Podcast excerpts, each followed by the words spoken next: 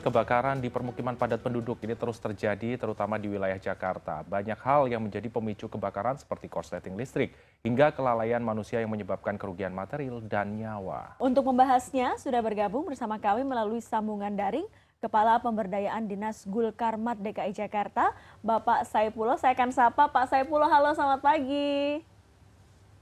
Ya. Selamat pagi Pak Saipullah. Halo, selamat pagi.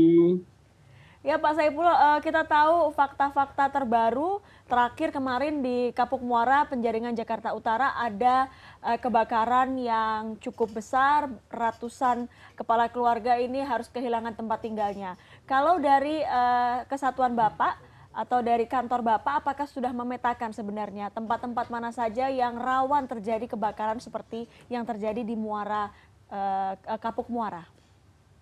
Iya, iya.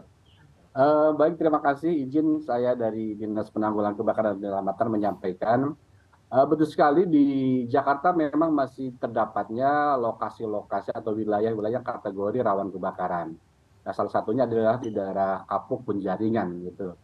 Nah, ini yang yang uh, berdasarkan dari pemetaan itu, memang di DKI Jakarta itu uh, masih terdapat beberapa beberapa wilayah ya yang cukup RW, yang cukup RW itu masih kategori sangat rawan dan dan rawan kebakaran seperti itu.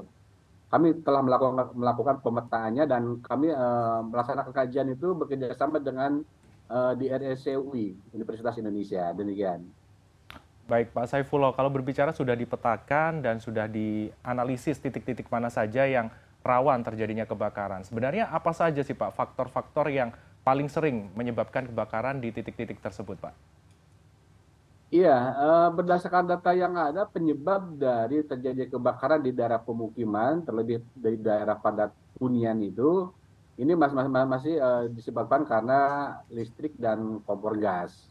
Nah, frekuensi uh, kebakaran yang diakibatkan karena listrik itu berdasarkan data dari kami itu ya hampir 70 atau 67 persen itu disebabkan karena listrik. Nah, ini disebabkan karena beberapa, hal di, di, antaranya adalah warga masyarakat masih lemahnya terkait dengan uh, kesadaran untuk senantiasa menggunakan peralatan listrik yang standar. Cenderung uh, orang-orang di atau masyarakat yang ada di kita itu lebih memilih peralatan listrik yang kesannya murah saja, tapi untuk kualitasnya ini terabaikan. Ini contoh dengan penggunaan kabelnya, bahkan sekarang kan banyak bohlam-bohlam yang diservis ya di, diperbaiki bisa menyala lagi mereka kerap itu pun uh, digunakan seperti itu. Hmm. Pak Saifullah uh, menarik tadi Anda menyebut sudah melakukan pengkajian daerah-daerah mana saja di DKI Jakarta yang rawan terjadi kebakaran. Kalau kita uh, flashback kembali begitu di akhir tahun 90-an dan awal 2000-an ada daerah dengan nama uh, Kampung Tambora yang sering sekali kita ketahui uh, ada kebakaran di sana. Kalau ya. uh, dari pengamatan Dinas Gulkarmat, apakah daerah-daerah seperti Tambora dan uh, daerah dengan penduduk Sekarang yang cukup ya. padat ini masih menjadi titik-titik yang harus diwaspadai? Iya, iya. Uh, iya, dari data yang ada kita antara tahun 90 sampai 2000 itu Tambora itu menjadi primadona ya terkait dengan kasus kebakaran. Bahkan di sana itu ada ada istilah arisan kebakaran gitu ya karena eh, saking seringnya kebakaran terjadi di sana. Nah, beberapa perlakuan yang kita lakukan, artinya eh, dinas dan dan eh, apa namanya instansi terkait lainnya melaksanakan upaya-upaya. Di antaranya di Tambora itu tahun dua di, di awalnya di tahun 2012 itu kita melaksanakan kegiatan sosialisasi. Kita bekerja sama dengan uh, Jarum Foundation jadi ada program Jarum Foundation yang uh, terjun langsung di, di, di Kecamatan Tabora itu, dan kita dan Dinas Penanggulangan, Penanggulangan Kebakaran melaksanakan kegiatan sosialisasi.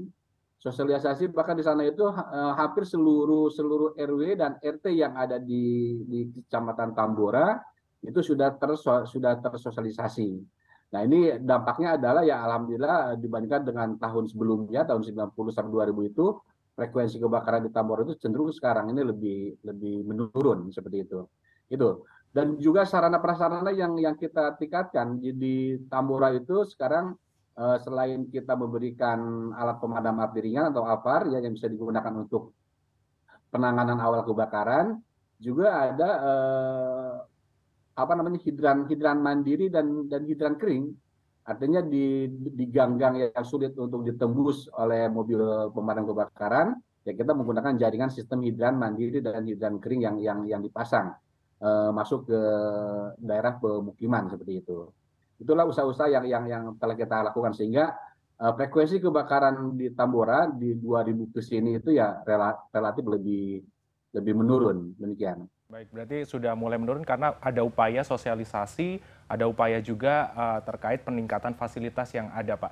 Namun apakah ya, ke depannya ini Pak, hal-hal apa saja yang mungkin bisa menjadi catatan atau yang harus diperhatikan kepada masyarakat, khususnya mereka yang tinggal di pemukiman padat penduduk? Mungkin ada yang bisa disampaikan dari sisi Bapak, Pak?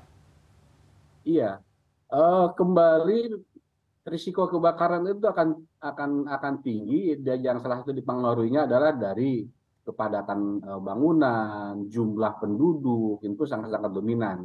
Karena dengan uh, lebih banyaknya bangunan di sana, lebih banyaknya warga masyarakat hadir di sana, ya semakin tingginya pula untuk konsumsi penggunaan peralatan-peralatan listrik dan aktivitas yang yang yang, yang sangat tinggi. Nah, tentunya dalam dalam rangka untuk apa untuk memastikan bahwa daerah kawasan padat hunian itu memiliki ketangguhan ya ketangguhan terkait dengan ancaman bahaya kebakaran. Yang pertama adalah uh, adanya kesadaran warga masyarakat itu sendiri ya. Nah, warga masyarakat itu diharapkan dari mulai uh, apa namanya uh, dari mulai penggunaan peralatan-peralatan listrik, penggunaan kompor gas di rumahnya itu bisa dilakukan secara apa secara uh, benar ya seperti penggunaan uh, kualitas apa peralatannya yang yang sesuai dengan standar SNI kemudian juga untuk penggunaan kompor gasnya itu dari mulai dari mulai uh, pemasangan regulator kemudian juga untuk peletakan peletakan tabung dan dan sebagainya itu. Nah kita ada ada ada program uh, apa dalam rangka upaya itu ini eh, lebih lebih lebih ditekankan kepada uh, di daerah pada pada hunian. Di antaranya adalah kita ada kita bekerja sama dengan Dasawisma itu melaksanakan pendataan. Pendataan di setiap rumah yang didata itu atau yang, yang diperiksa adalah kondisi uh, listrik dan penggunaan kompor gas. Nah, dari situ dari uh, ada 10 poin yang yang didata atau yang dilihat oleh si tim Desa Wisma itu. Nah, bila mana misalkan kondisi kabelnya yang apa uh, kabelnya yang semeraut, kemudian juga uh, pemasangan stiker yang bertumpuk ya kan dan si, yang yang kiranya bisa bisa membahayakan itu diingatkan. Nah, bagi rumah-rumah yang yang dari hasil pendataan itu dari 10 poin yang kita data ada tiga saja yang yang tidak sesuai dengan ketentuan itu dikategorikan rumah uh, rawan kebakaran dan kami dan kita akan menempel stiker apa stiker rumah waspada kebakaran. Jadi kalau di Jakarta kalau ada di rumahnya terpasang stiker waspada kebakaran, nah itu kategori rumah tersebut kategorinya uh, rawan kebakaran.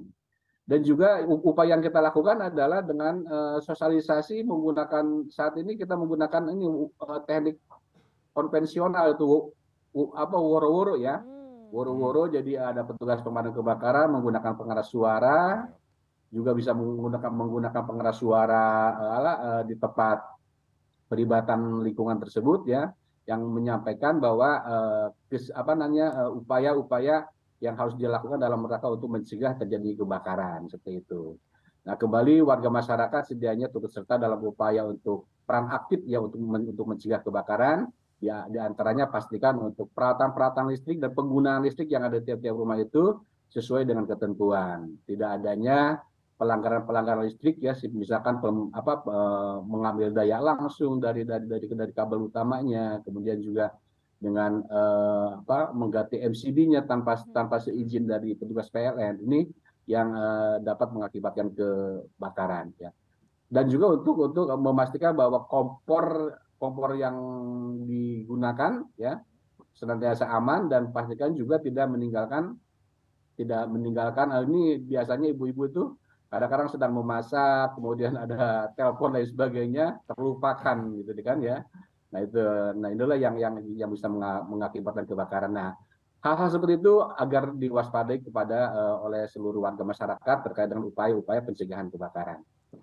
Dan Baik. perlu dipahami juga bahwa uh, bila mana sampai terjadi kebakaran, ya diharapkan masyarakat itu langsung menghubungi pihak pemadam kebakaran ya dengan dengan dengan menghubungi di nomor 112 ya karena lebih cepatnya laporan itu didapat oleh kami atau diterima oleh kami lebih cepat pula kami hadir di sana untuk melaksanakan upaya pemadaman tentunya seperti itu. Nah dan dipastikan juga bahwa uh, buat warga masyarakat jangan takut untuk ada kesan uh, memanggil pemadam kebakaran bayar semua layanan yang diberikan oleh kami dari dinas pemadam kebakaran itu semuanya tidak dipungut biaya. Jadi eh, warga masyarakat yang sekiranya perlu bantuan kami, jangan ragu, jangan segan, segera menghubungi di nomor 112. Baik, itu Baik, tadi yang harus diperhatikan oleh uh, warga masyarakat. Hmm. Perhatikan aliran listriknya, hmm. jangan sampai ada hal-hal pelanggaran, pelanggaran ya terkait ya. dengan aliran listrik. Kemudian juga jangan lupa matikan kompor. Benar, kalau mau pergi pergi atau jangan kasihkan telepon ya. Betul, baik. Terima kasih ya. Pak Saipulo, Kepala Pemberdayaan Dinas Gulkarmat DKI Jakarta. Terima kasih banyak sudah membantu masyarakat dan setia membantu melayani masyarakat yang sedang kesulitan. Mudah-mudahan tidak ada lagi hal-hal yang uh, membahayakan ya. ketika teman-teman di penanggulangan kebakaran ini saat bertugas. Terima kasih Bapak. Terima kasih Pak. Baik, sama-sama siap.